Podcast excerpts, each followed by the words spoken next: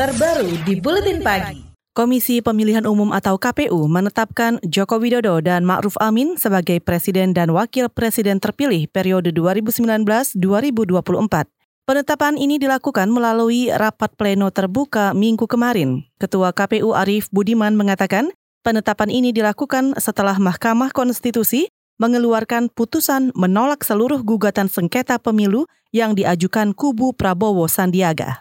Menetapkan pasangan calon presiden dan wakil presiden terpilih dalam pemilihan umum presiden dan wakil presiden tahun 2019 nomor urut 01 Saudara Insinyur Haji Joko Widodo dan Saudara Profesor Dr. Kiai Haji Ma'ruf Amin dengan perolehan suara sebanyak 85 juta 607.362 362 suara atau 55,50 persen dari total suara sah nasional sebagai pasangan calon presiden dan wakil presiden terpilih periode tahun 2019-2024. Ketua KPU Arief Budiman menambahkan, usai ditetapkan sebagai calon presiden dan wakil presiden terpilih oleh KPU, pasangan Jokowi Ma'ruf akan dilantik pada Oktober 2019 nanti. Pada pemilu 2019, pasangan Jokowi Amin memperoleh dukungan suara lebih dari 85 juta suara atau 55,50 persen total suara nasional. Sementara Prabowo Sandi mencapai lebih 68 atau 45,50 persen.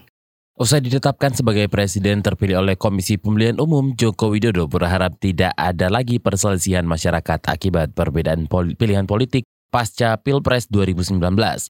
Jokowi mengajak seluruh, seluruh rakyat untuk kembali menjaga persatuan bangsa dan negara. Marilah kita kembali bersama-sama, bersatu lagi, menjaga persatuan, bersama-sama membangun negara ini, bersama-sama memajukan negara ini. Jangan ada lagi 0102, jangan sampai ada lagi antar tetangga tidak saling sapa, antar kawan tidak saling omong, karena semua kita adalah saudara sebangsa dan tanah air. Presiden terpilih Joko Widodo mengajak semua pihak untuk tidak lagi menyimpan kebencian akibat perbedaan pilihan politik. Ia juga mengajak seluruh rakyat Indonesia untuk melupakan perbedaan pilihan, pilihan politik yang sempat memecah belah masyarakat. Partai Gerindra sebagai pengusung Prabowo Sandi juga berharap tidak ada lagi perpecahan di kalangan masyarakat usai penetapan presiden terpilih oleh Komisi Pemilihan Umum KPU.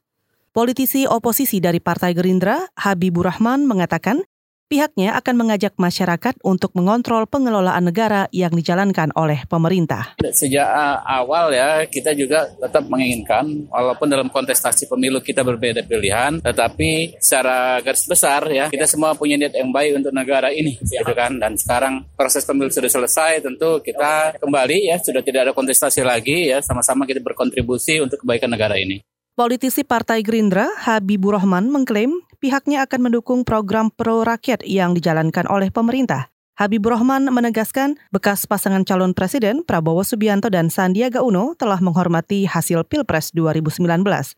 Menurut pandangannya, penghormatan ini bermakna sebagai ucapan selamat kepada presiden dan wakil presiden terpilih. Pasangan Prabowo Subianto dan Sandiaga Uno tidak menghadiri rapat pleno penetapan presiden dan wakil presiden terpilih 2019. Kubu Prabowo Sandi diwakili kader Gerindra Habibur Rahman. Penetapan Jokowi Ma'ruf sebagai presiden dan wakil presiden terpilih masih diwarnai dengan adanya ketidakpuasan sebagian masyarakat. Polarisasi masih terus muncul, khususnya di media sosial, dan hal ini dibuktikan dengan munculnya beberapa kali trending topik antar kubu di lini masa Twitter. Sementara itu, sosiolog menilai usai penetapan pemenang Pilpres, konflik di media sosial berpotensi lebih besar terjadi daripada kekerasan fisik atau kerusuhan. Sosiolog Iman Prasojo mengatakan Prabowo dan Jokowi harus berkon berekonsiliasi dan menunjukkan kepada masyarakat Indonesia bahwa persaingan dalam konsentrasi politik telah usai.